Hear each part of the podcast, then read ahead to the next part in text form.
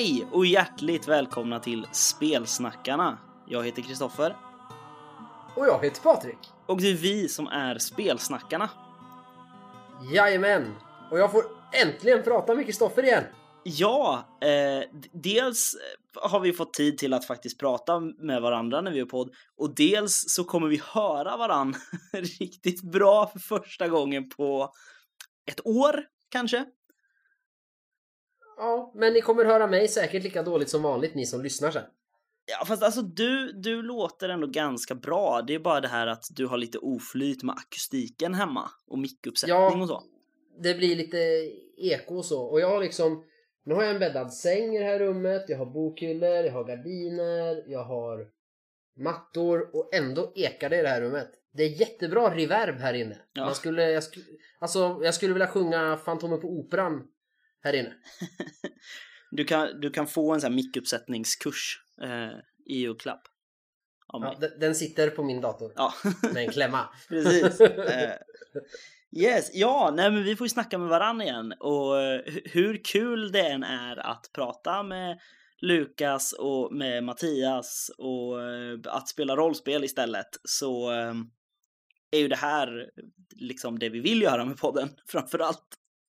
Ja, vi hade ju inte startat den ihop om du bara vill ha en podd med random människor. Nej, precis. Så är det ju. Det stämmer verkligen. Eh, ja, vi satt ju precis och ojade oss över att vi har ingen koll alls på nyheter egentligen just nu. Men vi har lite koll. Vi har lite koll, men för, för det här, jag pratade med, med en kollega om det här häromdagen. Eh, för han frågade så här, är det så att man köper man rollspel så här, är det något du gör olika säsonger på året liksom? Och då började jag tänka lite att så här, ja, jo, november brukar det vara mycket kickstarters. Och Inför julhandeln. Precis, och maj har jag tyckt att det har varit ganska mycket kickstarters också.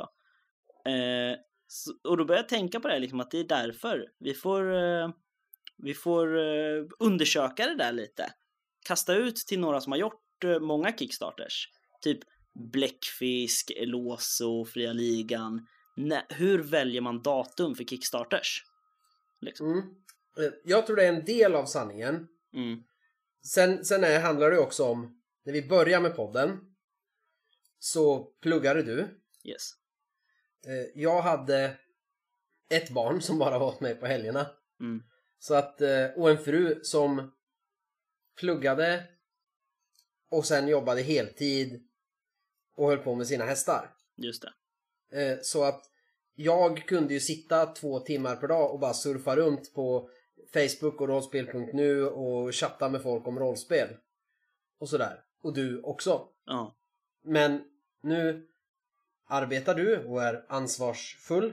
För det hade Per Albin velat. Att man arbetade och betalade skatt. Eh, och förutom att jag arbetar så har jag massor med barn. och sånt.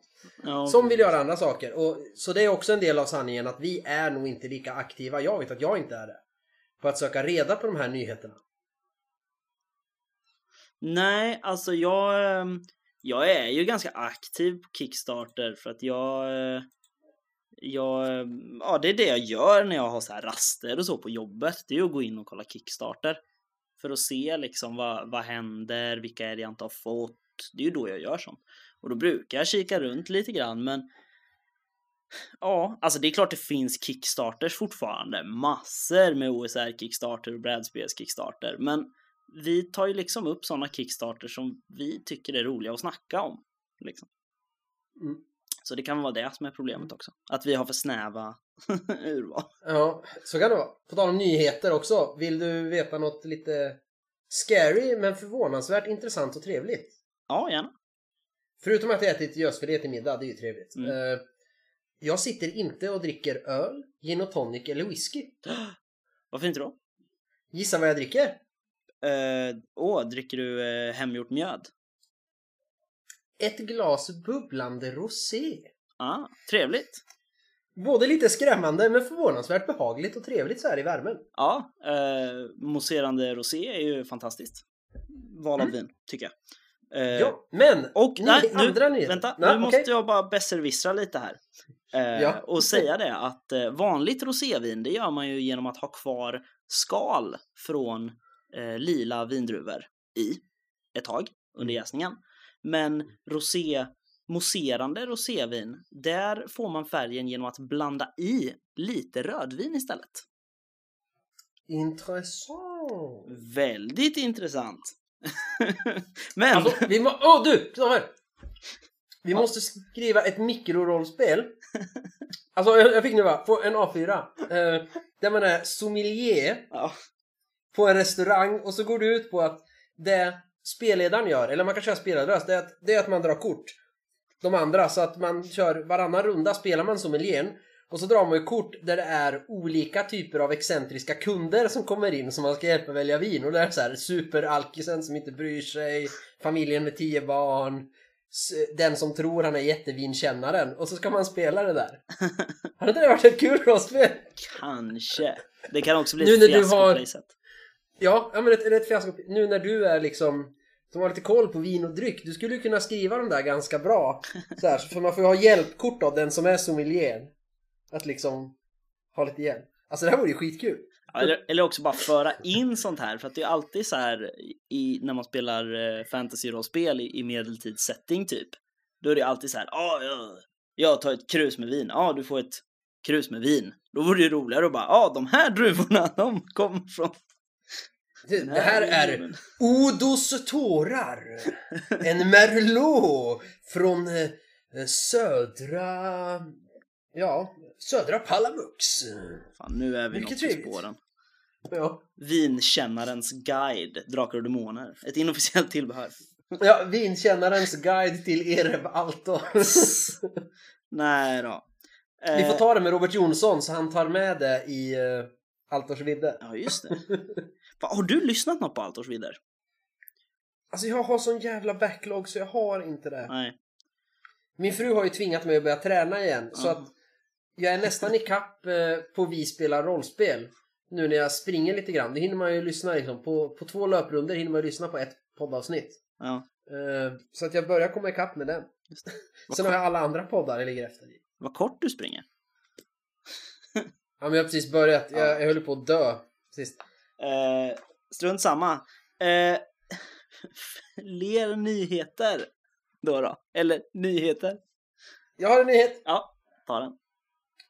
Eh, nu kan man köpa, på tal om Erebaltor, nu kan man köpa Alberetor. Nästa del i Törnetronen Jajamän. från Symbarom. Eh, och det är femte delen i Törnetronen, eller hur? Ja, del fem av sex. Mm. Alberetor, härjat hemland. Och då kommer man ju tillbaka till Alberetor. Ja men precis, och vi snackade om det. Jag kan inte komma ihåg om, om det var i podd vi pratade om det eller om vi pratade om det privat. Eh, så tycker ni att jag upprepar så är det bara att spola fram 30 sekunder.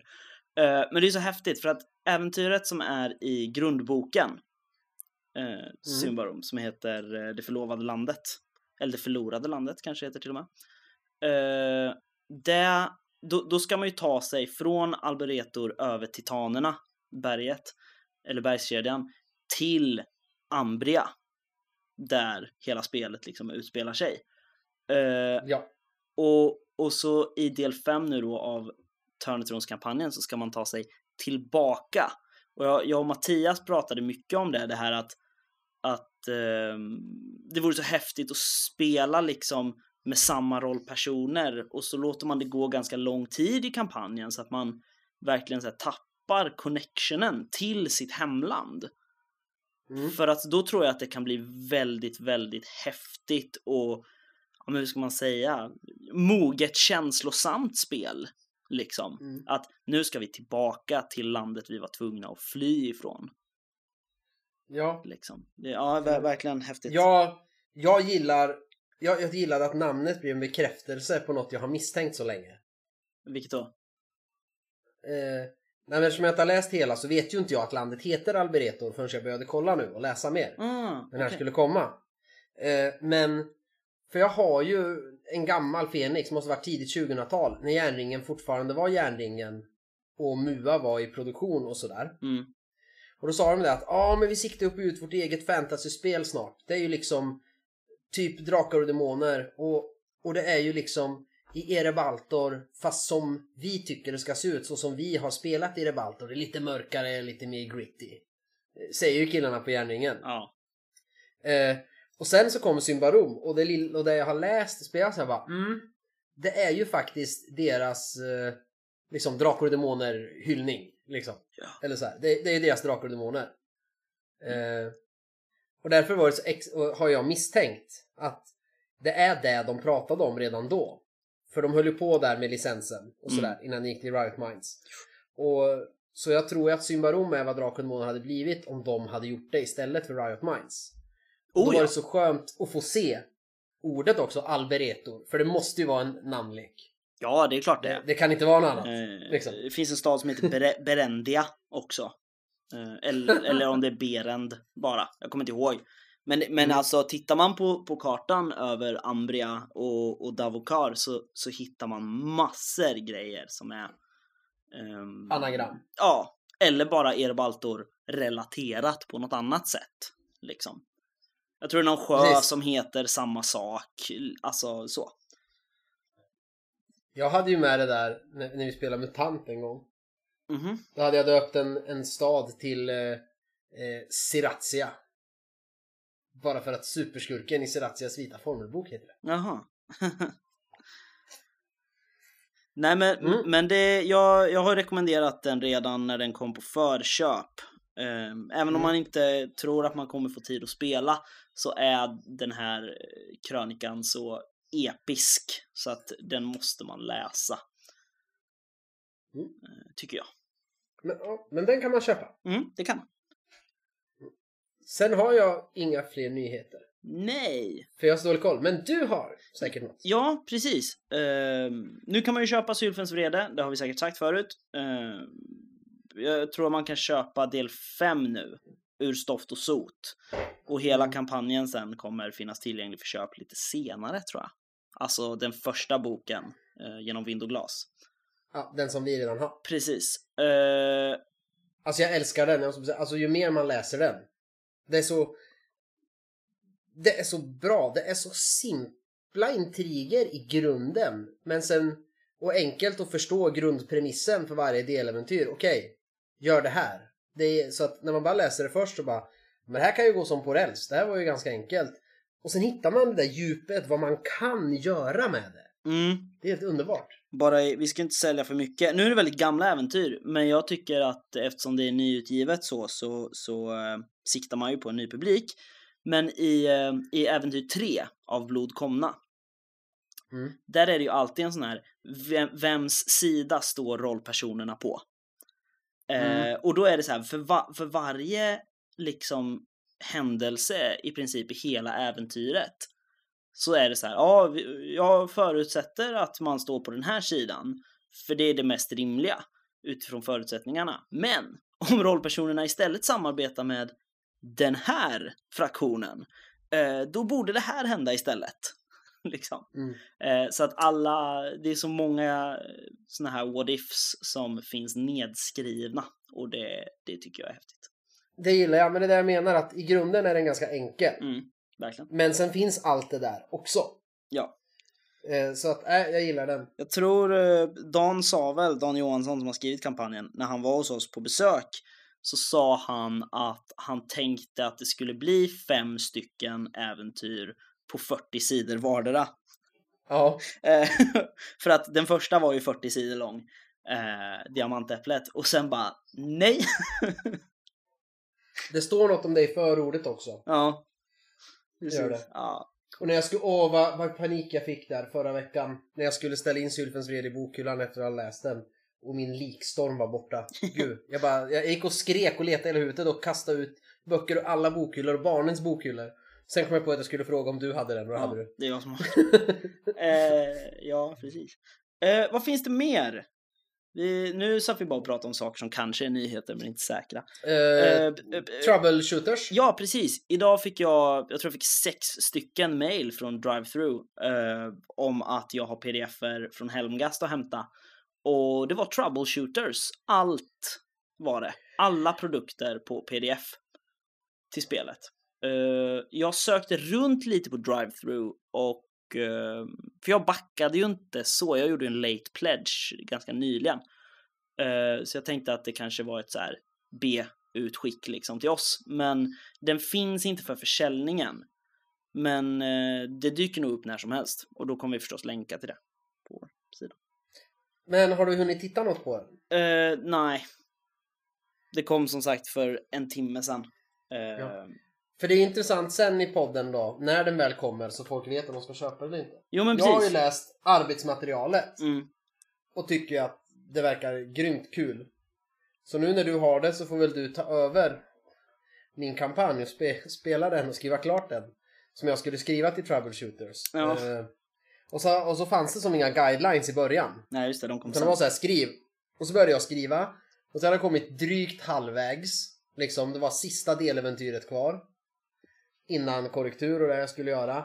Och då kommer de ut med ett eh, dokument så här. Ja, här är riktlinjer för äventyren. Eh, tabeller ska se ut så här. Eh, det ska vara kvinnliga skurkar och eh. Det ska vara så här representerat. Eh, man beskriver statblocksen så här. Så här beskriver man personligheter och persongalleri. Och eftersom det inte fanns något sånt hade jag ju bara gjort mitt helt eget. Mm. Och då var det så här bara, okej, nu blir det liksom dubbelt så mycket arbete att skriva om allting. Och nej, jag orkar inte. Nej, så jag bara sket i det där. Men texten finns ju liksom, äventyret finns ju. Ja, eh, jag vet, det har du ju pratat om ganska mycket. Ja, det var skitkul att skriva. Så det där får du spela någon gång, eller läsa. Absolut. Och se om det Eh, är worthy of troubleshooters. Ja, precis. Nej, men jag, jag har som sagt inte hunnit eh, titta på det ännu. Men eh, det kommer. Jag kommer få tid till det. Eh, sen har vi en till. Och det är en sån här nyhet igen som vi bara saxar från senaste numret av Phoenix. eh, men det, och det här är ju någonting som jag har väntat på i ja, tre år nu blir det va? Eller två år. Eh, Ensamma vargen 9. Fruktans kittel. Av Åskfågeln. Äntligen. Får vi väl säga. Eh, jag har ju spelat liksom nummer 1 till 8 säkert tre gånger. nu liksom. Eh, men nu, nu, nu är det på tryck. Och nu har, de, nu har de liksom sagt det. Det är på tryck.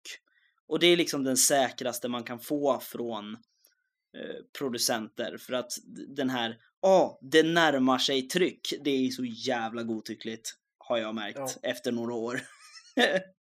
Men eh, ja, så den, den är på G. Det står i Fenix att man ska kunna förbeställa den nu, men det kan man inte.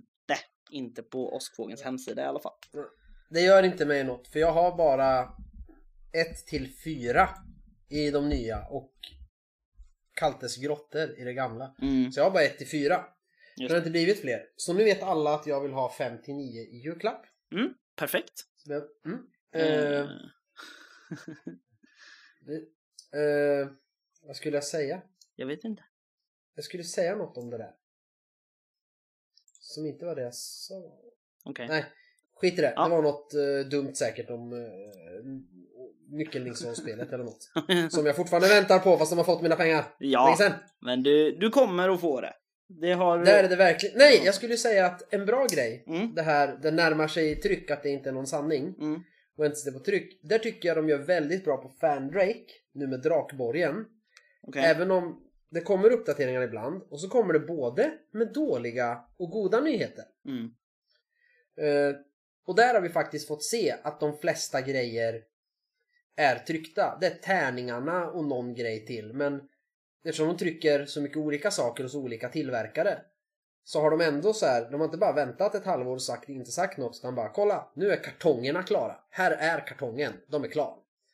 Och sen så går det liksom en månad till och bara titta, nu är korten tryckta. Och så visar de upp alla kort. Så att man får liksom hela tiden, så fort en liten grej är klar får man veta det. Och det är ganska skönt, för då ser man att det faktiskt händer saker. Ja, jag gillar också, jag tror det var eh, Troubleshooters eh, kampanjen, tror jag. Eh, Ja. där, där de har haft en tabell i kickstarten. Som de så har fyllt i liksom. Vad är färdigskrivet, vad är på tryck, vad är på korr. Liksom. Sådana grejer, det, Det, gillar jag. det är nice. Eh, för, för det är ju det som är, och det har vi pratat om förut, liksom, det är att vi, vi, man vill veta vad som händer när det är kickstarters just för att då har jag redan betalat för att få det. Liksom. Ja men det, det är det som är grejen med nyckelringsrollspelet. Mm. Att jag tycker det är så dåligt. För nu är det, ja, det är minst två, det är säkert tre år försenat. Måste, eller något sånt här.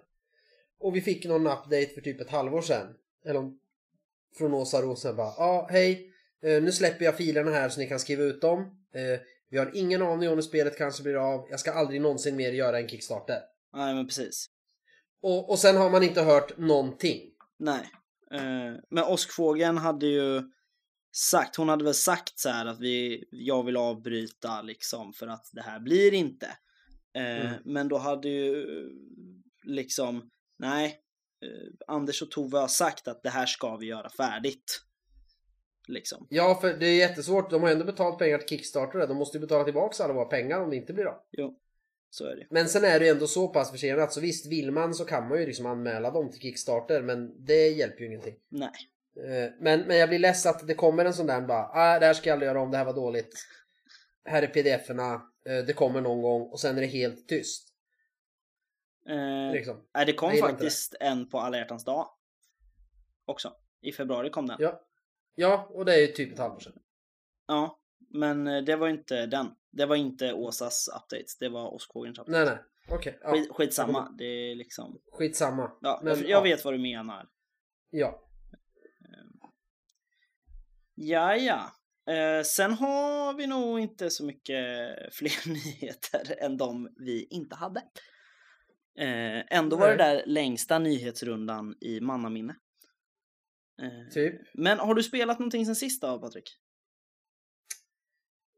Var det länge sedan sist. Mm, men jag har faktiskt spelat eh, lite grann.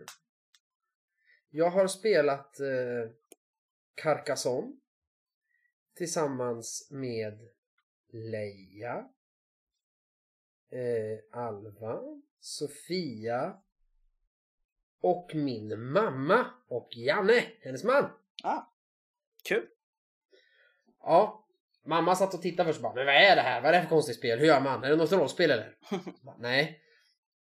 Sen har vi spelat fem minuter och hon bara Men vadå poäng? Ska jag lägga på en stad nu? Eller ska jag lägga på en väg? Vad ska jag göra? Och så här. Och Alva satt där och försökte förklara reglerna. Mamma bara Ja men jag lägger en gubbe här. och så kör vi. Eh, Men det var kul. Eh, Sen har jag spelat Catan med Sofia och Alva. Mhm. Eh, För Alva ville spela något spel.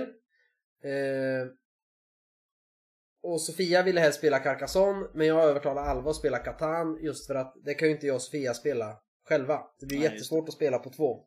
Så det, men det har vi spelat och det var kul. Sen har jag och Alva spelat en sväng med mitt och Sofias drakspelsprojekt. Just det. Eh, för att testa lite. Och eh, ja. Spelet har potential. Ja, kul. Eh, så långt kan man ju säga. Men jag fick ju liksom tusen nya idéer och perspektiv när jag spelade med Alva. Mm. Och hade ett väldigt, väldigt löst äventyrsupplägg. Just för att skapa äventyr och världen tillsammans med henne. Mm, Och jag tror det är framgången i den här typen av spel eftersom det är just ett spel som riktar sig till barn. Jag skulle behöva ta med fler barn. Och innan man skriver något mer, man ska bara ha den här grundpremissen. Det är drakar. Det finns olika sorter. Det ska finnas portaler mellan öarna där de bor. Sen behöver man inte skriva mer setting eller någonting. Nej. Och så kan man köra vilket regelsystem som helst. Liksom singla slant i värsta fall. Men bara just för settingen och känslan. Och så ska man spela med typ 10 olika barn i tre, som man blandar ihop så att det blir totalt fyra olika spelgrupper. Så konstellationerna blir olika. Just det. Och så ska man spela 100 timmar. Då är ju spelet färdigt. Ja, en riktig speltesting helt enkelt. Nej, eller egentligen inte, utan som, som en hel del i skapandeprocessen. Att skapa sättningen. Okej, alla barnen har beskrivit det här ungefär så här. Alltså verkar de tycka det är coolt och häftigt. Det här blir bra. Mm. Eller de, de bryr sig inte om det här. Jag behöver inte skriva hur magin i världen fungerar. För det är inget barn som har frågat om det eller beskrivit det. De vill bara veta vilka drakar kan spruta eld. Okej, okay, då räcker det med det. Så att eh, jag skulle ha det liksom att börja med blankt papper nästan. Och bara, det här är ett spel om drakar. Vart bor ni någonstans? Och så bara köra. Mm. Det hade varit coolt. Ja, alltså lösa sådana att man bygger världen under tiden, det är ju, det är ju ganska spännande. Också, jo. alltså låt kartan vara som, som zonkartan i Mutantor 0 liksom. Att man jo. bygger en i spel och sen så kan man ju skriva ner den då liksom. Jo, nej för det var ju så, det, det ska ju inte vara så när spelet är klart utan det var ju som en del i att skriva spel. Jo men precis, det är det jag menar. Ja, precis. Sen har jag inte spelat något mer. Jag spelar ju, har inte spelat mer heller, men jag hoppas få göra det. Någonting ska vi spela på söndag, även om vi har tappat en gubbe igen. Ja, eh, precis. Och det är inte jag den här gången. Nej, eh. det, det är kaos nu. Eh, får vi säga. I, I både podd och, och rollspel. Det är lite ja. upp och ner och hit och dit. Men det, så, får, så blir det ibland. Ja. Det... Har du spelat Har du spelat något sen sist? Ja, det har jag gjort. Um, jag har spelat Snösaga. Så Truvan Chronicles. Eh, vi, vi kom på, vi satt så här och jag sa till Fredrik då som är spelledare, bara fan vi, nu borde ju liksom Trudvang Adventures ha kommit pdf-erna för att jag har läst att böckerna liksom typ ligger på tryck nu och är på väg när som helst. Han bara, nej. Och jag bara, nej men har du, har du fyllt i pledge managern Fredrik? Han bara, eh, va? Vadå fyllt i? Jag har ju betalat ja, ja, ja, eh, du ska ha fått ett mail och så satt vi så och rotade i hans mailinkorg och bara sådär, nu har du beställt. Men är det bara han som, har han beställt flera Players Handbook då? Nej, det har han eller? inte gjort. Det har han inte gjort. Eh, men, men vi kan köra pdf-er liksom. Ska jag, ska jag bara göra en karaktär i princip och jag kommer, jag jag är ju så här, de reglerna som är, är värda att använda, de tycker jag att jag kan lära mig utan till och sådär, så får vi jo. se. Det är ju min stora grej ja. Eh, med D20, just det att man måste nästan, det lilla jag har provat, ha en liksom spelarbok Aha. per man. Just för att det är för lite plats på rollformulären att skriva ner allt som alla liksom förmågor och talanger och feats och vad det heter gör liksom. För en del är ju såhär jättelånga. Och, och så bara, ja, ah, eh, använd den här på level 8 till att eh, slå om den här tärningen men om du får det här resultatet slå om och så vidare. De är ganska långa en del. Så det får inte plats. Och jag vet inte lära mig det utan till så det känns som man måste antingen ha det på ett kort eller typ ha sidan uppe i boken ibland och bara ja ah, just det, hur funkar den här förmågan? Svärdets sång är lite likadant. Ja, det, det finns uh, ju kort till DND, uh, 5th edition. Det finns spellbook cards och så finns ja. det magical items och dylikt. Ja men precis, men det uh, finns väl inte till True Rang Adventures? Det, det finns kort jo. Det gör det? Ja, men ja, vad bra. Det, det är en kortlek med. Ja, men då underlättar det ju. Uh, nej, men och jag är så här, det, vi kommer ju banta lite. Jag vet inte hur de har gjort, för jag har inte läst True Bang Adventures, men, men uh, för vi säger ju det att det konstiga är ju det här att alla i världen i DND är så beroende av magi och alla är så bra på magi, liksom. Ja men precis, även troll, även krigaren är ju magiker liksom. Ja men precis. Uh, och, och, det är ju typ, det är ju vi alla överens om. Så att jag, och jag har som sagt inte läst, så jag vet inte vad de har gjort med liksom vitner i 5th edition grejen så. Uh, men så lite kommer vi tweaka själva och jag kommer ju inte använda någon magi. Liksom personligen. Nej, alltså det går ju emot själva settingen. Ja. Liksom. Uh, ja, och min karaktär. ja. Ja, nej men det var spännande i alla fall. Vi är fortfarande nere i uh, Sotenbrand, dvärgriket, och håller på nu och, och, diskuterar vilken grupp ska vi backstabba och vilken ska vi gå med? För att det är ju tre grupper som alla vill ha med oss och som vill att vi eh, slår ut en annan grupp. Så det, mm. det är jävligt spännande just nu, eh, faktiskt. Det ska bli spännande att höra, eftersom ni har bytt regelsystem kommer ha gjort ett antal gånger. Ja, Så ska det bli jävligt kul att höra egentligen både dig och Fredrik. Just skillnaden och är det något ni skulle vilja byta tillbaks till och hur har det gått och så här, Det hade varit kul.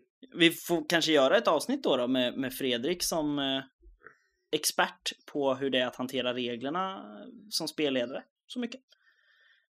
För Ja, jag, tror? Jag- jag, tror vi har bytt från sexan till Trudvang till Trudvang Chronicles och nu till Ja, Trudvang Adventures. Och det är ju ganska stora skillnader. Ja, jo men det är det ju. Eh, sen har jag spelat Dungeons and Dragons med Mattias och Micke. Kul. Dragon of Icespire Peak och det, det, ja, det är väldigt kul. Det är väldigt roligt. Det, det är en, en, en trevlig liten grupp och det är liksom, ja, alla bara har kul. Och det, nu säger jag inte att, att vår spelgrupp är tråkig och att alla inte har kul. Men, men du fattar vad jag menar. Att det är liksom, varje gång man sätter sig ner för att spela och varje gång man går ifrån efter att ha spelat så är det bara, fan, gött att spela rollspel med de här. Ja, Liksom. jag Eh, känner likadant. Så det är jävligt Men- grymt. Alltså har jag, har jag varit med i min egen podd efter att vi spelade Vindskäl? Nej, jag tror inte det. Nej just det, för du och Mattias pratade om det i förra avsnittet. Ja, precis. Eh, Eh, så du har också spelat Vindskäl? ja, det var så jävla kul! Och vad jag garvade första tio minuterna när jag och Mattias eh, typ hade gjort samma typ av karaktär. Eh, De var ju olika. Men det här filosofiska lugn. Så vi var bra. Och försökte bräcka varandra med så här visdomsord. Ja, det var kul. Eh, sen vet jag inte om jag har spelat något mer. Jag skulle ha spelat eh, Oktoberlandet igår. Vi skulle ha haft våran första session, men eh, det blev inställt på grund av sjukdom, tyvärr. Men du kan ju spela med din eh, fästmö för hon jobbar ju inte i helgen. Ja, men hon är med i gruppen. Eh, Ja, Med men ni kan ju spela, ni kan ju spela något annat. Mice and Mystics, hallå. ja, jag tror vi ska spela Carcassonne när hon kommer hem idag. Ja. Ja, Carcassonne är bra. Så vi, vi får se. Eh, sen har jag nog inte spelat så mycket mer. Nej. Har du skrivit något då? Eh, ja, jag har ju skrivit lite mer på Vindskäl-äventyret nu. Det som vi spelade? Precis. Eh, för att jag, jag kommer till det. Vi ska prata om det sen ju. Och då ska jag prata lite om, om sådana grejer. Men jag, jag eh, brukar ju... Om jag inte skriver hela äventyret utan någon som helst typ av speltest eller spel, vilket ändå är ganska vanligt att jag gör, då brukar jag bara skriva ner grundpremissen och sen rollspela fram vad det är jag ska skriva ner. Liksom. Eh, Så att jag visste ju faktiskt inte riktigt hur det scenariot skulle vara utformat förrän vi hade spelat det. Ja men det är lite som jag tänkte, det är lite samma som jag tänkte där med att skriva det här Drakrollspelet Ja, jag, precis. jag håller på med. Mm. Eh, Jag gjorde samma sak med eh, Tondöd som, som jag skrev till Cyber M77 som är ett, ett hydranummer för, eh, ja, i fordomtid. Eh, det var ju samma sak. Det- Jag, skrev ju grundpremissen och sen var det ju du och Mattias som rollspelade fram allt det som nu finns nedskrivet. Ja men alltså när man läser det äventyret i Hydran, jag kommer inte ihåg vilket nummer. Det är ju skitbra. Ja, Det vart ju jättebra. det, det är det. Det är ett skitbra Fast äventyr. inte, ja, fast det inte är samma grej som vi spelade. Ja, det är inte riktigt, Riktigt. samma grej som vi Nej. spelar, men jag, jag tog ju lite russin ur kakan. Ja. Eh, sen har jag nog inte skrivit något mer eh, rollspeligt tror jag, sen sist. Eh, Mm. Vad har du skrivit sen sist? Jag har skrivit lite på vårat Drakrollspel. Mhm. Eh, Men, eh, men sista två veckorna så har ingen av oss gjort något med det. Nej. Eller jag har skrivit lite så här fem minuter. Så nu jag är lite så här om jag ska säga rätt Sofia bara mm, Hur var det här, Sofia? När du gör saker så händer det. Skulle det inte alls bli som mörka regimen? Bara om ett år så är det ute. Klart. Så bara mm, mm. Hur går det med det Sofia? Så sa det. Det är lätt första fem minuterna när man har inspiration och kommer på en idé och bara skriver. ja, precis. Sen ska man hitta tid också. Eh, och disciplin. Det handlar mer om disciplin än om eh, inspiration. Ja, ja men absolut. Det är det. Att, att skriva ner det första, det är ju det lätta när man har go och inspiration. Sen kommer allt det där andra. Precis. Eh, Så jag hoppades att jag skulle säga jag har skrivit något i Mörka Regimen eh, Second edition men jag har inte hört något från min eh, självutnämnda redaktör så jag har ingen aning om vad som händer och vad jag ska skriva eller inte skriva. Och det tänker inte jag säga heller. Idag. Nej, nej för det har Det blir- säkert inte hänt Det blir en överraskning. ja, eller hur? Imorgon så får jag ett tryckt ex i brevlådan bara här är spelet Patrik. ja, precis. Fan vad kul det hade varit. Ja, det kommer inte hända. Nej. Eh, Annars har jag inte skrivit något mer. Okej. Vad är det vi ska prata om idag då? Jag sa ju, jag gjorde ju typ en liten segway. Ehm, och det här är ju ett ämne vi har pratat om förut. Jag kommer inte ihåg riktigt vad vi sa och i vilken utsträckning. Nej och riktigt vad det var som var scopet så att vi kanske har sagt allt redan. Eller så har vi inte gjort det. Nej, jag, jag, jag tror inte att vi har gjort det, för jag har lite nya saker att säga tror jag. I vilket fall. Mm. Nej, vi ska ju prata prep eller no prep. Ja, precis. Hur mycket ska vi planera innan spelmötet börjar? Kan man väl säga. Ja, och jag tänkte min första grundidé, sen har jag såklart inte hunnit och sådär, eller tagit mig tiden att grundutforska det, men det var ju att kolla vad finns det för bra verktyg för att kunna köra med så lite prep som möjligt i olika spel som man kan ta till sig. Ja. Eh, Men vi får se hur långt vi når med det. Mm. Jag har ett par Mm. eh, spel. Men, eh, men om, om du rent spontant då, för det här är, det här är en viktig punkt.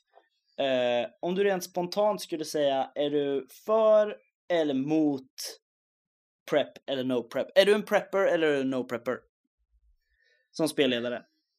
Alltså jag är en prepper. Jag förordar det och tycker det är bäst. Däremot så är jag i, när, när jag utför så är jag ju en non-prepper för att jag har fan inte tid. Men jag vill preppa. Ja, Jag, jag tror det blir bättre och det blir bättre. Eh, Det är därför jag välkomnar sådana här verktyg så att det känns som att jag preppar fast det går på fem minuter. just det. Liksom. Ja, jag tror jag fattar. Eh, Framförallt blir det skillnad. Det är väldigt skillnad om man spelar något lite löst. Eh, Så här en, en one shot eller vi ska spela vi ska spela någonting. Typ 5-6 spelmöten, testa ett spel. Då kan det funka jättebra. Eh, att inte preppa någonting. För de här karaktärerna kommer inte påverka världen i någon utsträckning som spelar någon roll.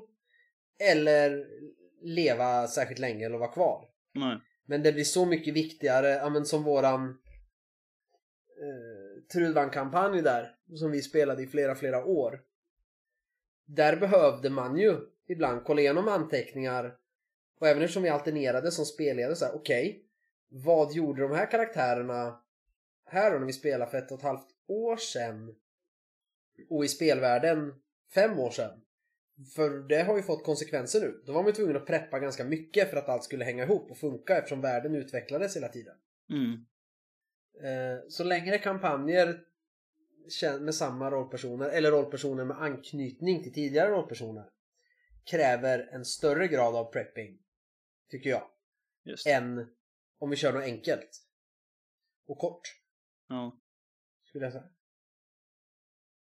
Du då? Ja, Vad men, förordar du? Alltså jag, jag, jag är ju en no-prepper. 100 procent. Jag är, jag är näst, det är väldigt sällan jag kommer till ett spelmöte och är förberedd. Egentligen. Um, och, och det är egentligen...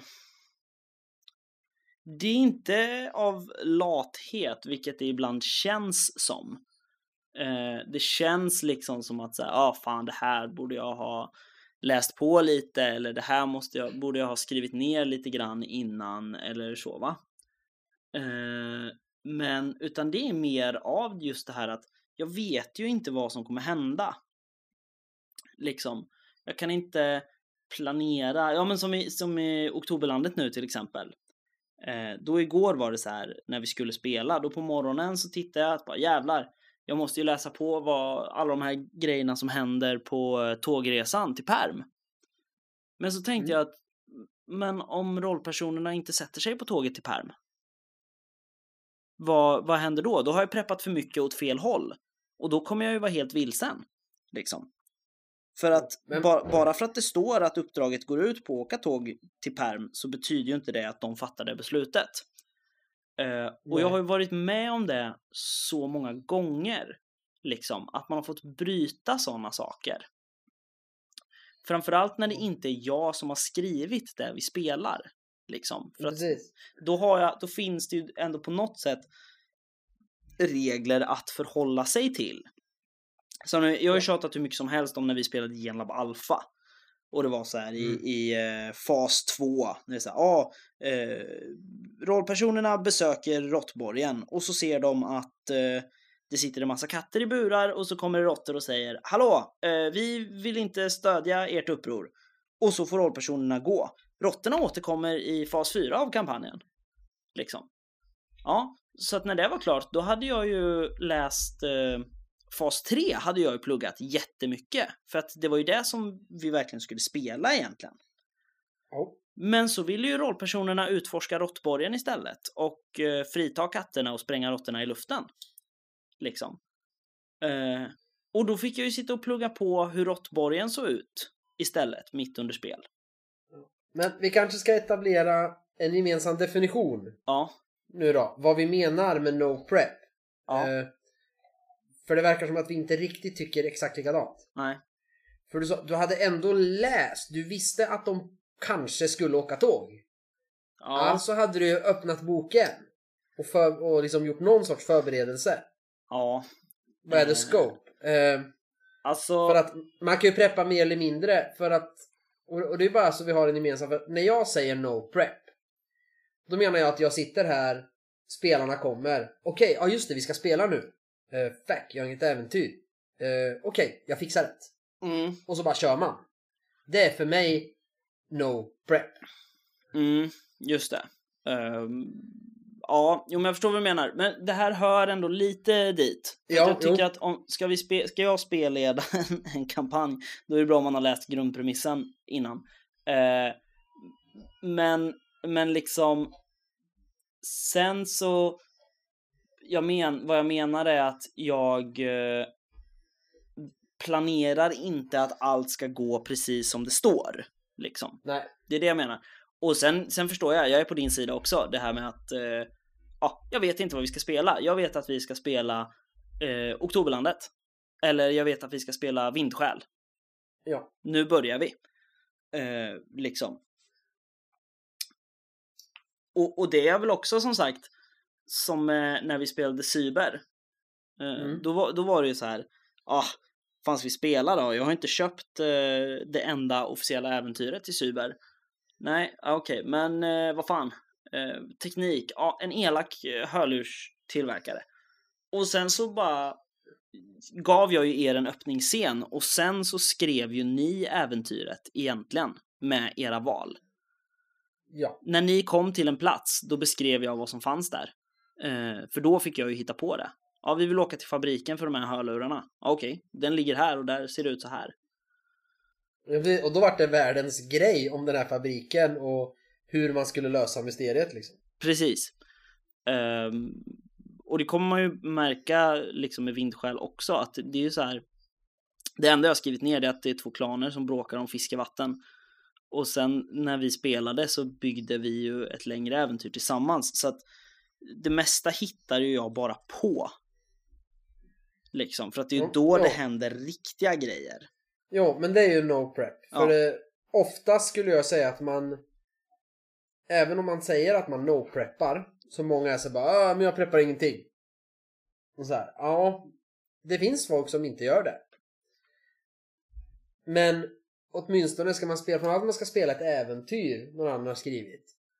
Även om det är ett kort komment, man, man måste ju som läsa igenom det Bläddra igenom det lite grann För Mm. att fatta just ungefär vad ska hända för annars har man ingen aning Nej, alls vart det kan gå liksom. Okej, de gjorde det här valet. Eh, och så har man inte ens koll på vad slutmålet är så att man kan se till att det valet leder dit. Liksom. f- får jag lägga in ett nytt begrepp här? Mm.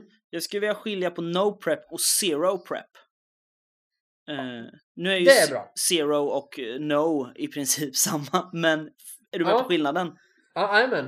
Eh, eller så kan vi kalla det för low prep och no prep. Low prep och no Eh, prep är bra. Ja, Nej, men, men, men för det är klart det skiljer. Men vad vi, om vi ska ta liksom den grövsta definitionen av no prep, då snackar vi 100% sandlåda där jag inte kan någonting om någonting innan vi börjar. Nej, Väl. Eh, typ. och prep, då, då är vi inne på den här, som sagt, jag har skrivit ner var... Som när jag skulle, ja, men, ja. Som när vi skulle spela Snösaga och jag satt och skrev om hela första akten i ett kollegieblock för att föra in statblocksen och hänvisa till rätt sidor och skriva det så att jag tyckte det var spelbart och för att hänga med. Ja, Och alla möjliga vägar jag såg. Ja, och där var ju också problemet. Det, det blev ganska tydligt ganska fort när vi spelade Snösaga, din prep. För att eh, det blev just det här att då hade du pla- planerat så noggrant och då var det så här, ja, ah, eh, så fort rollpersonen tar ett steg åt det här hållet så händer det här. Eh, problemet var ju bara att vi gick ju inte ett steg åt det hållet. Utan vi gick åt ett annat håll istället och satte oss åt kyckling. Och då var det så här, ah, när fan ska det här hända då? För det ska ju hända när de går hit. Ja. Liksom. Nej men och det är det som är faran med att preppa Ja. för mycket. Och man kan säga att, eh, nu är ju det ganska rälsat, men jag har försökt få det öppnare. Men oavsett hur öppet så att säga ett äventyr är Mm. så kan man inte hitta alla, alla möjligheter. För jag hade lagt till fler som jag såg som inte var beskrivna i boken. Mm. Så om jag hade då åtta riktningar och hur de förgrenade sig och sen möttes i den gemensamma vägen framåt igen så tog ju ni den nionde som jag inte hade sett. Precis. Och då var det ju, för jag hade ju liksom, ja men okej, och så här mycket intriger och det här. Så när jag skrev det där, det var liksom, ja men här har jag liksom minst 50 timmar speltid i den här första akten. Och ni gjorde det på typ 13 timmar. Och sen satt jag där och bara, eh, jag har inte förberett mer. Nu är det liksom, jag har ingen aning om vad som händer nu. Nej. Precis. Eh, nej men det är väl det som är faran av att preppa för mycket. Det är att då, då faller allting om du gör någonting oväntat. Ja, Liksom. samtidigt som man måste, jag tycker ändå att man man bör nog preppa till en viss gräns. Mm. Just, inte för mycket, för det har vi ett exempel på här när det blir dåligt. Men jag tycker att det blir bättre om man ändå preppar. Och framförallt just om man kör en längre en längre kampanj. Men preppingen kan ibland ske efteråt. Mm. Men det är ändå prepping. Okej, nu har vi gjort det här spelmötet. Då framförallt preppar jag inför nästa. För då blir det så här, okej, nu gjorde de det här. Eh, och eftersom de... Eh, ja, men man, kan, man kan ta liksom Dragon Age-termer. nästan. Okej, ni intimidatade den här personen till att berätta det här. Ni skrämde honom och hotade honom till livet. Ja. Då vet vi att ni har gjort det. Det innebär att han kommer eh, gå till eh, sin lönnmördarkompis och be honom jaga er. Och när ni är på väg till det här stället nästa gång så vet jag det. När personen är på väg dit så kommer han eh, tracka dem. Mm. Och ligga i bakhåll på den här platsen. Eh, och den preppen tycker jag att man Framförallt i längre kampanj, måste, eller måste, men det är bra att göra den. För det ger mer liv till att man faktiskt påverkar historien och att val har en konsekvens. ja. Jag tror jag fattar vad du menar. I alla fall. Ja, och det är där jag... Det är därför jag framförallt säger då, kallar mig för en preppare. Mm. Inte en prepper. Nej, just För det. det, det är man ju också.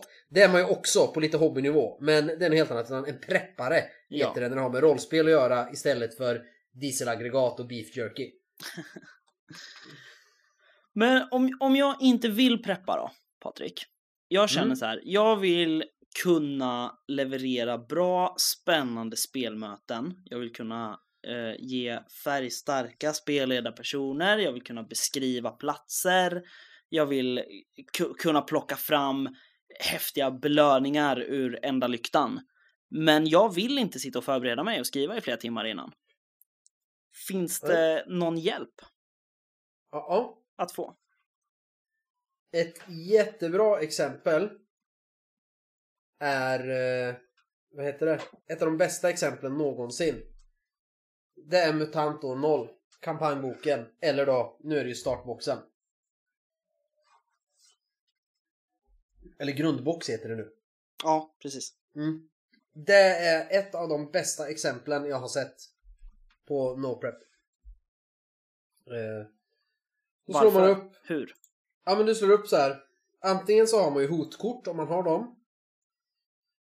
Eller så har man kapitel 2 hoten mot arken. Där du kan slå på en tabell. Och så slår du på en tabell. Och så får du 41. Revolt. Eh, nu ska jag bara läsa lite ur den just för att visa hur det kan se ut då. Då slår man att det är revolt. Så bara, ja det är missnöje bland folket, mutanterna är hungriga. Det börjar med en gnista som rinner över och sen finns det lite grejer som kan hända så här bara. En boss, en RP har en bra relation till det på väg att lynchas. Finns det en SLP som samma RP gillar i mobben? En för detta slav utropar sig till folkets lerare, ledare och anklagar en RP för att svika revolutionen. Och så finns det flera andra. Eh, Motorfolket, den är lite rolig, då tänker Ja. man på MUA. Eh, vandrare från bergen och monster och bla bla bla. Så då kan man hitta hot mot arken. Vad ska liksom äventyret gå ut på? Så då har vi ett helt kapitel om att skapa zonen. Och det här är ju så bra. Det är det här spelledarskärmen är uppbyggd med. Det är ju bara till tabeller. Mm. Okej, nu fick ni den här revolt. Och det gör att ni ger er ut för att hitta någon mera mat då. För folk gör revolt för det finns ingen mat. Så ni ska bli bossar och fixa mat. Då slår ni på en ny tabell. Är det busklandskap, ruiner, fält av glas. Och är det sen ruiner, ja men då har du en ny tabell för ruiner. Är det en bensinstation, biograf, und so weiter. Eh, och så har man hot när man är ute i zonen. Så det är fortfarande det här hotet som är grundpremissen för spelmötet. Och då slår man på hot. Morlocker, motorskallar, Novasekten. Och de är jävligt jobbiga. Och olika fenomen. Och så finns det händelser också. Med skyfall och det kommer vandrare. Och så ett helt kapitel om ruiner finns det. Och det här, man kan ju skita helt i den här metaplotten och bara köra med det där. Och när jag körde en MUTANT och noll-kampanj för några år sedan med några killar på jobbet. Så då, jag har aldrig preppat så lite. Men jag har aldrig fått det så bra. För det jag gjorde då, för att ha tid. Är så här, när spelmötet var klart och vi hade byggt på arken och allting. Vi gjorde det i slutet av varje spelmöte istället. Mm. För att vi vill komma igång och spela så fort vi har samlats allihop ifall någon måste dra. Tidigt eller så. Just det. Då, då drog vi det här hotkortet eller slog på tabellen. Okej. Och så visste alla. Nästa möte så är det zongastarna anfaller. Eh, behövde inte jag, jag sa inte det till dem utan jag drog det. Och skrev i mitt block. Zongastarna anfaller. Och sen slog jag på de här andra tabellerna. Och då visste jag det. Och, så, och, och då var det min lilla, så att det var ändå någon sorts prepp. Men jag har aldrig gjort så lite prepp som med det. Utan då skrev jag ner det i mitt block. Okej, zongastarna anfaller. Och sen skrev jag till bara i skymningen. De kidnappar någon. De måste ge sig ut i zonen. Och sen medans eh, liksom de anföll och de försökte trycka tillbaks dem nästa spelmöte. Då slog jag på alla de här tabellerna. Vad kommer hända när de kommer ut i zonen och så vidare. Så Mm. äventyren skriver ju sig själv. Du behöver inte skriva Ja, någonting. Precis. Det är ju klart. Och det, det är ett klockrent exempel på hur man preppar egentligen ingenting. Du kan ju dra det där kortet, det har jag också gjort, när spelmötet börjar. Och bara wing it. Och det... Det var det som var lite tråkigt när Genlab Alpha kom. Även om det ska berätta en berättelse på ett annat sätt. Och Maskinarium och de här, de, för det är ju, de är ju så, de är ju ganska rälsade de kampanjerna. Ja. Till de andra boxen. Eller väldigt rälsade. Och det var lite tråkigt för det var det som var så jävla... Det bästa med år 0 var just det där. Att är det något som är sandlåda så är det ju det. Mm. Och Ja, jag det- älskade det. Det där har ju Fria Ligan tagit tillvara på för att Svärdets sång är också så. Eh, Absolut. Är Spelledarboken är ju liksom, ja, n- vad är det? Är det en T666? Är det va? Eh, Ja, nu kommer jag inte ihåg, i år 0 så är det ju T66, men jag kommer inte ihåg vad det är i Svärdets sång. I Svärdets sång är det ju en jättetabell och då är det ju så här. Ja, eh, om du är i skog och slår det här så möter man det här. Då är det här mötet, för det är ju uppbyggt i möten i spelledarboken. Ja. Liksom.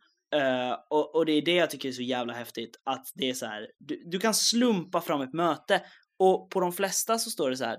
Första gången det här slås fram så händer det här. Andra gången det slås fram, tredje gången det slås fram. Och det är liksom, det är så korta texter men de är så tydliga liksom. Ehm, och även om det kanske inte blir ett helt spelmöte, bara en händelse, så är det ändå liksom, ja men det händer någonting som är häftigt. Ja, men det, det är ju det. Du har de där händelserna Mm. För att dryga ut spelmötena, eller vad, eller vad man säger. Eller egentligen kan du skapa en hel intrig. Eh, det gjorde ju du när vi träffade den här bagaren. Melkeman. Ja, som du hade som finns liksom. Ja. Ja. vi träffade Melkeman.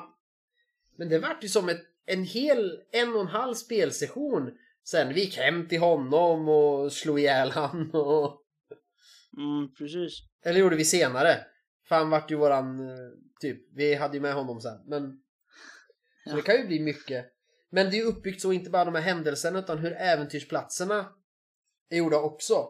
För de är så enkelt beskrivna och just det är tydligt i början så här. Ja, på den här platsen, eh, i, i den här grottan så finns det orcher och de har en liten skatt. Man kan slå ihjäl dem om man vill. Och de kan berätta att det finns en större skatt här borta om man pratar med dem. Och sen är det bara en beskrivning av de här rummen. Så då kan man ju bara liksom på måfå välja en bara, ja, ah, vi tar Orsgrottan. Stöter de på under sin färd. Ja, Och, och så spelar man ett helt även och sen medans rollpersonerna slåss med någon ors, då kan man läsa lite snabbt, okej vad fan finns det i det här rummet då? Så du behöver inte preppa det heller. Det är bara att köra. Det är så jävla bra. ja, men det gillar jag verkligen. Det... Så Fria Ligan kan göra jättebra no-prep-verktyg. Men i år 0 har de strukturerat det just på ett sånt sätt. I kampanjboken, så det är... Alltså gör man det på det sättet i ett spel med de delpunkterna. Då behöver, då känner till och med jag att jag behöver inte förbereda någonting. Jag kan sätta mig här och spela och det blir lika bra som om vi hade suttit fyra timmar och skrivit något. Mm. Och jag är, och jag är en preppare. Men med just det där så tycker jag att det där är bättre än om jag skriver. Det är så jävla bra. Ja, nej jag, jag gillar som sagt Fri- Fria Ligans slumptabeller. De gillar ju slumptabeller och det, de gör det bra också. Eh, jag vet i, i Symbarom så finns det också något liknande. Nu kommer jag inte ihåg vilken bok det är, det kan vara spelledarboken. Eh, men där är det så här, möten i Davokar liksom. När du är ute, slå fram det här. Ja, det här händer. Mm. Eh, och så finns det en kort beskrivning och det är ju så här. Om man inte är en sån här som vill ha allt färdigt till 100% när vi sätter oss ner och börjar spela. Då är det liksom jättebra för då kan man bara så här. Ja, absolut. Vänta bara två sekunder så ska jag läsa lite snabbt. Det, det ska bli jättekul att se hur mycket de ändrar eller fick, gör med det där i One Ring Second Edition. Mm. Eh, nu backade inte jag den för jag hade ju bilräkning, allt vad det var. Tyvärr. Fast det var ganska förmånligt att backa. Det kommer vara betydligt dyrare att köpa den. Ja, det tror jag. Men jag måste nog köpa den när den kommer. Eh, och det skulle vara kul, förstå om de la in den här typen, men det måste bli massor tabeller då. För olika delar i världen, olika platser och så. Mm. Eh, länder eller världs... Konti, nej, det är en kontinent. Ja, ah, skitsamma. Eh, delar av världen helt enkelt. Ja. Och de har olika. För liksom fylke så finns det en T100-tabell. För möten. Och sen utvecklas de mötena med ytterligare T100-tabeller. För vad man slår och sådär. Det, det skulle kunna bli grymt. Mm. Jag gillar ju såna definieringstabeller. Och det finns, nu har inte jag nu har inte jag vindskäl här tyvärr eh, och min bokhylla är på andra sidan rummet. Men, men där finns det ju en sån tabell ju och det snackade vi lite om, jag och Mattias. Att det är så här, eh, vem möter rollpersonerna? Och så slår man så här, ja, en sån här person. En eh, trö trött klanhövding och sen bara, hur reagerar den här personen på mötet? Ja, eh, hen är arg, väldigt arg. Och så här bara, ja, vad har hen för intresse av att prata med rollpersonerna? Ja, vill ha hjälp med. Alltså Ja. så. Ja men det är ju toppen exempel. Mm. Verkligen. Eh, nu spelar jag, eller spelleder, så mycket färdiga kampanjer så att jag, jag har ju liksom, eh, jag är ju lite beroende av, av prep. Tyvärr. Ja, det jag skulle säga. Då ställs det, då måste man ju preppa. Ja, Mer eller mindre. Så är det verkligen. Eh, men det finns ju... Åh, vad tänkte jag på? Jag hade ju något så jävla bra att säga. Men jag glömde bort det. Ja, synd. Så det var inte viktigt. Men det, det, just det. Nu var det inte det jag skulle säga. Men jag kom på en annan bra sak. I tre Fria Ligan-spel Ja. och några andra, och då, det vore coolt om de gjorde One Ring. Då finns det ju också verktyg, ännu fler verktyg för att kunna köra typ ett helt spelmöte och inte preppa även i en pågående kampanj eller äventyr. Om man nu inte har haft tid att preppa. Mm. Och det är ju i år 0, eh, grundversionen med mutanterna, Svärdets sång och i Coriolis. Där du har en bas. Ja. En ark i år 0, ditt fäste i Svärdets sång och rymdskeppet i Coriolis. För de här ska ju liksom eh, underhållas och du måste få in mat och du kan utveckla dem och, och sådär. Så man kan ju faktiskt spela ett helt möte med intriger och sånt kring det där. Om man vill. Verkligen.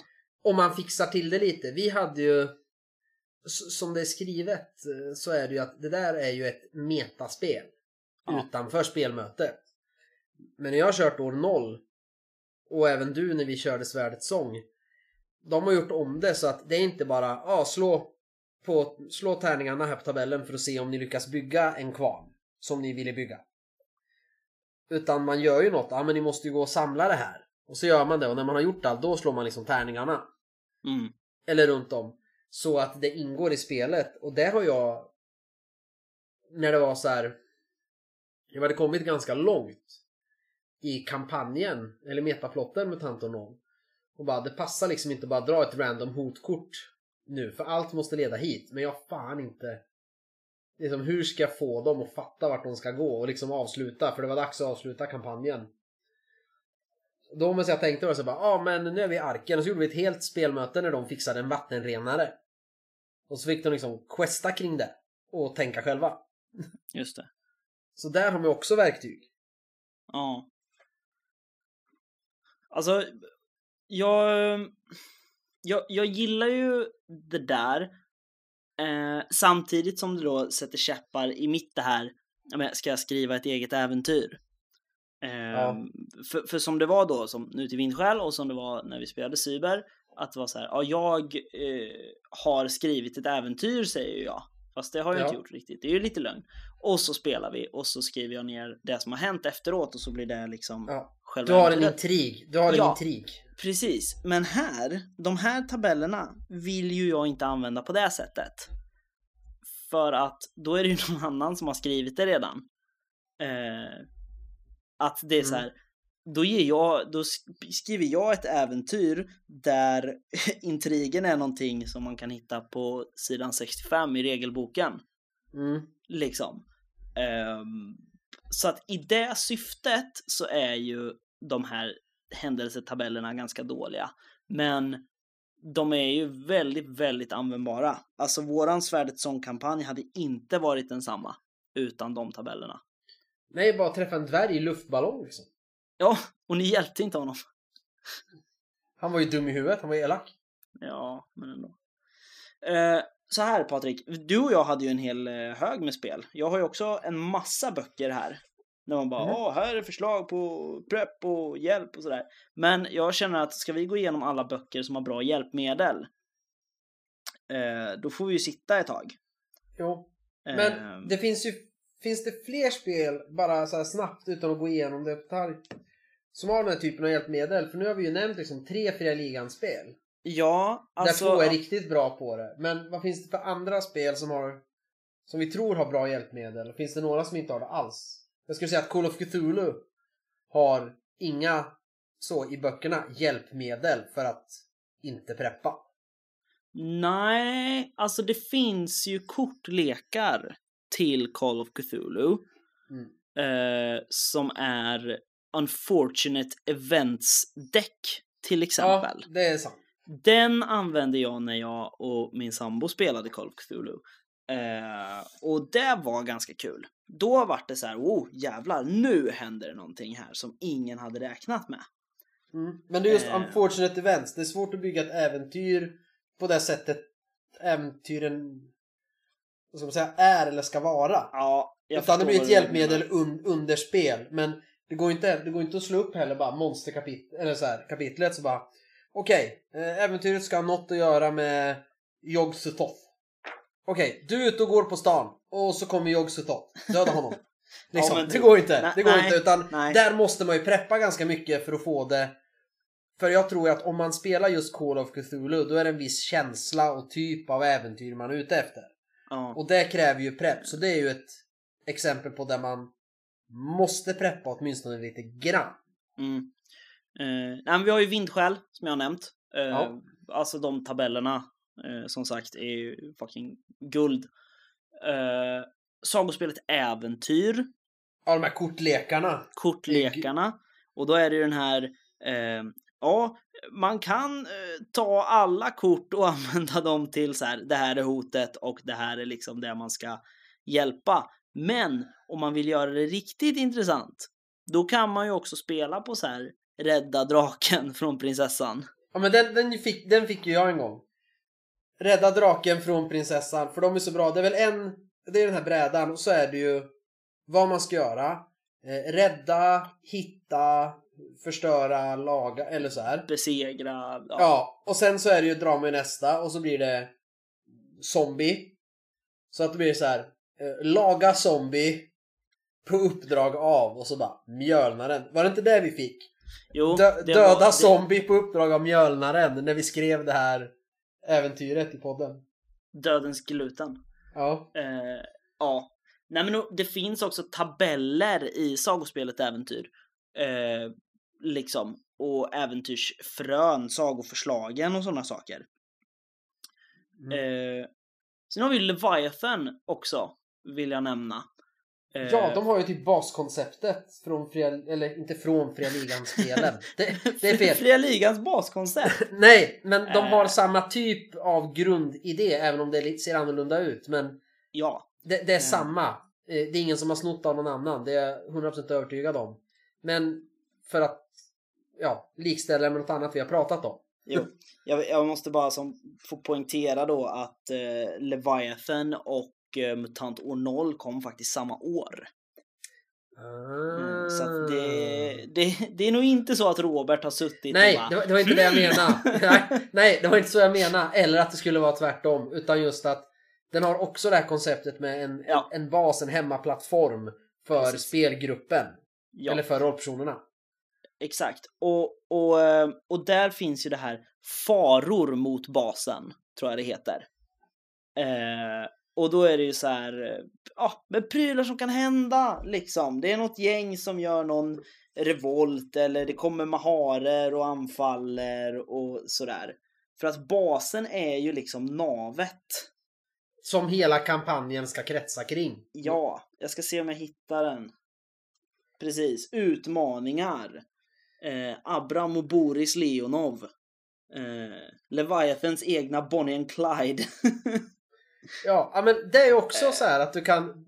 Du behöver inte preppa om du Nej. inte vill. Sen om du ska spela en längre kampanj blir det ju bättre om du gör det. Och, tror jag. Och att du slår fram några utmaningar och sen väver ihop det. På ett bättre sätt. Och just när man ser hur Mm. rollpersonerna är. Men det finns ju verktyg väldigt bra för att köra bara session till session. Med hjälp av det här. Precis. Precis.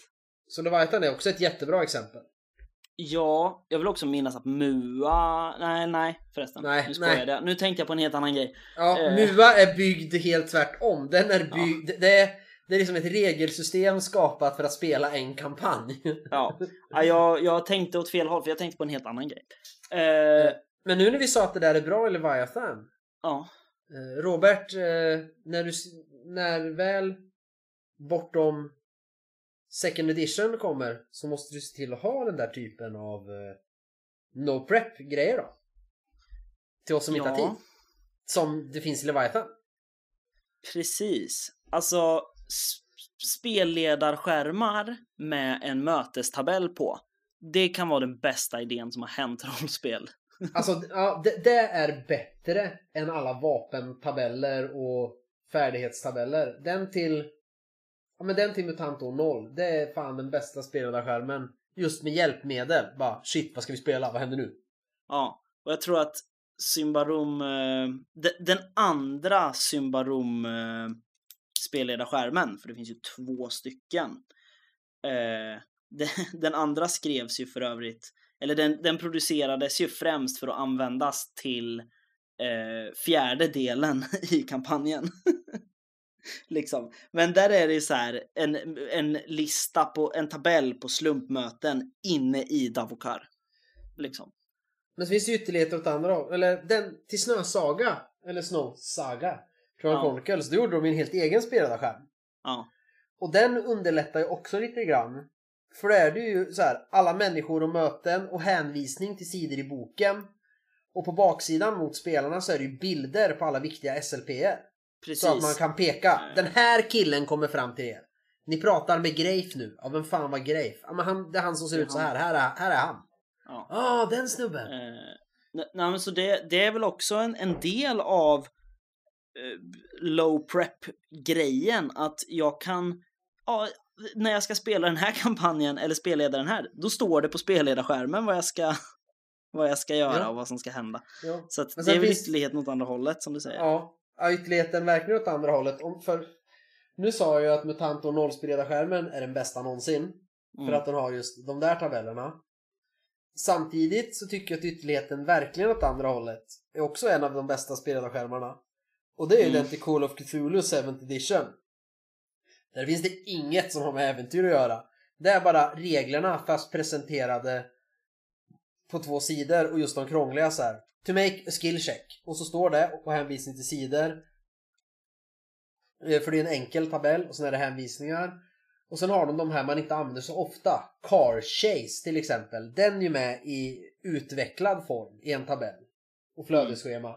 Just för att det tar upp några sidor men det är inte så ofta man gör det. Så de reglerna kanske inte man kan i huvudet. Så då är de med där. Så den är ju regeltung och på så sätt ganska bra. Medan den... Men då måste man ju... Man får ingen hjälp att spela. Så. Eller skapa. Medan det får man ju absolut av den år 0. Den är... Nej, jag är fan kär i den. Ja, nej, den är snygg. Det är den. Men vi har ju samtidigt har vi ju pratat om att vi inte gillar Ornol-skärmen av andra anledningar.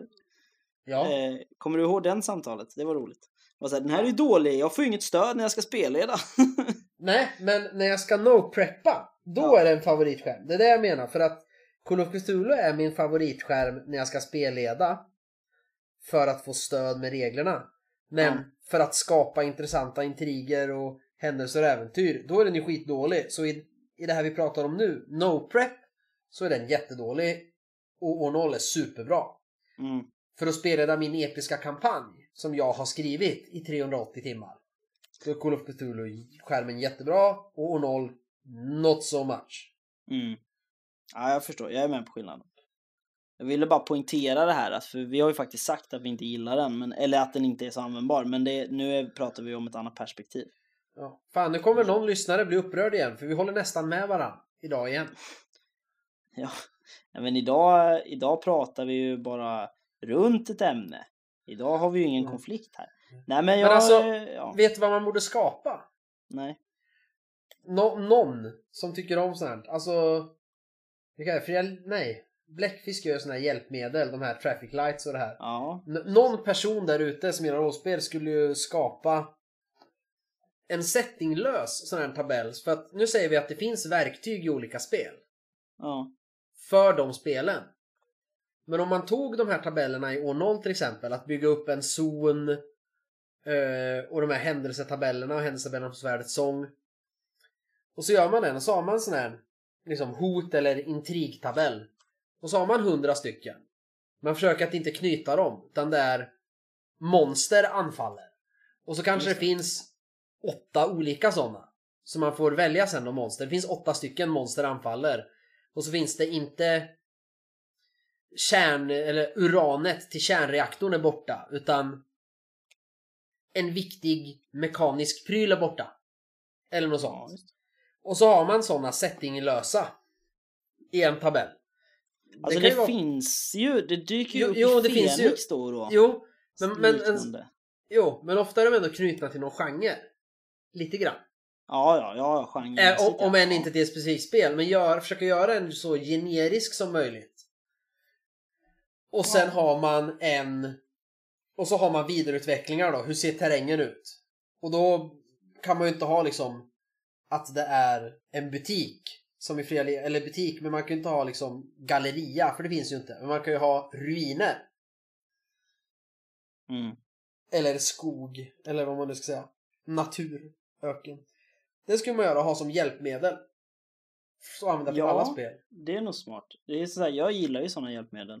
Ja, Eh, vi får spåna i det. men vi har ju glömt det mest no-preppiga av allt, fast det verkar som vi skulle avrunda. Aha. Fia- fiasko. Ja, Om vi pratar no-prep. Det Ja. är ju... Det, det, är liksom, det är så jävla no-prep. Det är ju fan skolexemplet, att vi inte tänkte på det. Det är ju skolexemplet på no-prep. Ja, och särskilt den, den nya boxen också till Fiasko för att där behöver du ju inte ens hålla på med det här och slå tärning och grejer utan då drar du bara ett kort och lägger mellan varje relation. Eh, liksom. Så att den preppen är ju... Hur kan ju du göra... Hur, hur gör du det? Baseras inte det på playseten? Jo, men kort, det finns kortlekar som är olika playset. Ah, kortlekarna är playseten. Precis, så att i, i kortlekarna så står det relations och eh, objects och places och sådana grejer. Mm. Men hur många får man med i boxen? Alltså jag har ju inte fiasko. Jag kan ju ladda ner playsets men reglerna hittar jag inte. För de Eh. äger ju någon. Ja, jag tror det är eh, tre playsets med i boxen. Alltså tre olika lekar som är playsets. Och så finns det en som heter typ Engine Deck eller något sånt här som är eh, tilt och sådana grejer. Ja. Men kan du använda det? Om, om, om jag köper boxen Mm. Kan jag ladda ner playsets, eh, alltså pdf-er eller så, som är gjorda för, vad ska man säga, gamla fiasko och spela det ändå? Eller måste jag köpa gamla fiasko också? Nej, eh, alltså det räcker ju med ett playset för att det är ju med en regelbok liksom. Men det, tärningsreglerna står ju inte med för att du ska inte använda tärningar här. Okej, men finns det att köpa det gamla fiasko-regelboken också? Ja, det tror jag. Eh, den borde väl finnas tillgänglig. För fiasko är ju verkligen no prep. Ja, jo men det är det. Vi har bara glömt att nämna det. Du har inga rollpersoner, ingenting. Man börjar med att... Det kan ju vara folk som inte vet vad fiasko är för något. Mm. Eh, Då kan man lyssna på när jag spelar Fiasko i min bräd och rollspelspodd. Just det, det gör det. Mm. Men, men basically så finns det ju inte, utan det finns olika, det finns ju regler, ganska enkla.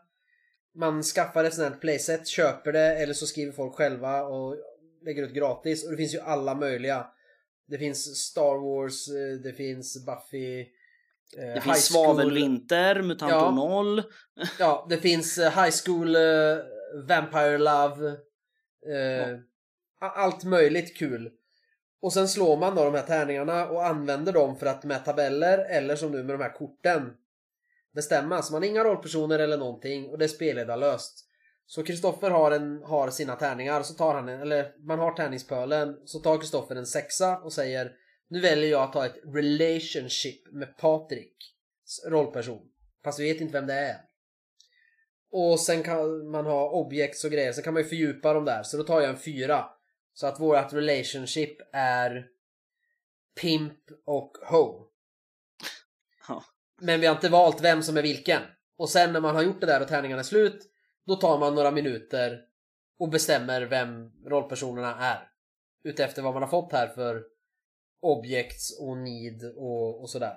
Och sen bara sätter man scener egentligen, kan man ju säga. Ja, sen börjar man spela helt enkelt. Sen börjar man spela. Och det finns inget så här, så här går äventyret till, utan man har bara de här relationerna, objekten, platserna och Ja. behoven att utgå ifrån när man sätter sina scener. Och Du det är så grund- jävla kul. Premiss också har du ju. Ja, en Att, grundpremiss. eh, ni, ni är hemma i staden ni växte upp i för att fira jul eller så. Ja, precis. Men, Mm. men inte mer än så. Nej. Eh, och, och det återspeglas ju då i tabellerna. Mm, precis. Det, det är det som är grejen med playseten. Men är det så jävla kul? Eh, och det är ju så no prep man kan komma. Det är skolexemplet. Mm. Verkligen. Och jag tror har sagt det förut. Det är ett bra sätt att maskera för folk att det är rollspel man spelar. Om det är folk som, ja men jag vill inte testa rollspel, det verkar konstigt och töntigt. Då när man sitter där nu på semestern på campingen i förtältet med husvagnsgrannarna och bjuder dem på ett gott glas mousserande rosé. Då sliter man fram ett fiasko, fiasko playset. Ja, Som handlar om folk på Böda camping. ja varför inte? Ni, Eh. hitta mina försvunna crocs. Men så kort sagt kan vi säga att om man eh, gillar att preppa så kan man göra det så mycket man vill och gillar man inte att preppa då är det väldigt viktigt att man har bra hjälpmedel. ja. Eller? Och nu, och nu när det verkar, ja men det är bra. Och, och nu vill jag föregå dig lite. Mm. För nu ska du snart säga det här att ja, man kan kommentera avsnittet här och ge förslag. Jajamän. Och snälla, snälla, så fort ni hör avsnittet kom med förslag på ämnen. För vi har snart gjort 100 avsnitt, vi har pratat om massor saker. Nu sitter jag och Stoffen så här två, tre dagar innan och bara vad ska vi prata om nästa gång? Och så hittar man på två förslag. Och jag känner det, jag som då är en preppare, att jag hinner inte preppa. Om vi säger att vi ska prata om det här två dagar innan, då hinner inte jag. För jag behöver någon vecka på mig att hinna läsa, fundera och titta på saker. Mm. Så kom med förslag på ämnen. För det är jättekul när ni gör det. Så Verkligen. skriv det på Facebook eller mejla till oss. Så att vi vet vad vi ska prata om. Eller vad ni tycker vi ska prata om. Ja. Nu kan Och- du fortsätta med vad du brukar säga Kristoffer. Ja, men om man vill höra av sig till oss med ämnen, eh, då kan man ju eh, skriva till oss på eh, Messenger där vi heter Spelsnackarna, eller så kan man mejla på spelsnackarna.gmail.com eller så kan man eh, gå in på facebook.com spelsnackarna och så kan man lägga en kommentar eller ett inlägg på vår community och så. Det. Men eh, det var ju allt för den här gången och vi hoppas vi hörs igen om två veckor. Det hoppas vi. Annars eh, får jag med en gäst. Det är också något att kommentera. Nu har Mattias varit stand-in en gång och han har varit med två gånger i podden. Hur är Mattias som gäst? Ska vi ha med honom fler gånger? Eller vem vill ni ha som gäst? Ja, vem ska vara... Ska vi ha en gäst? Eller ska vi ha en sidekick som är med så här var tionde avsnitt ungefär? Ja, precis. Ja, vi Eh. hörs om två veckor. Ja, det gör vi. Hej då Kristoffer! Hej då Patrik.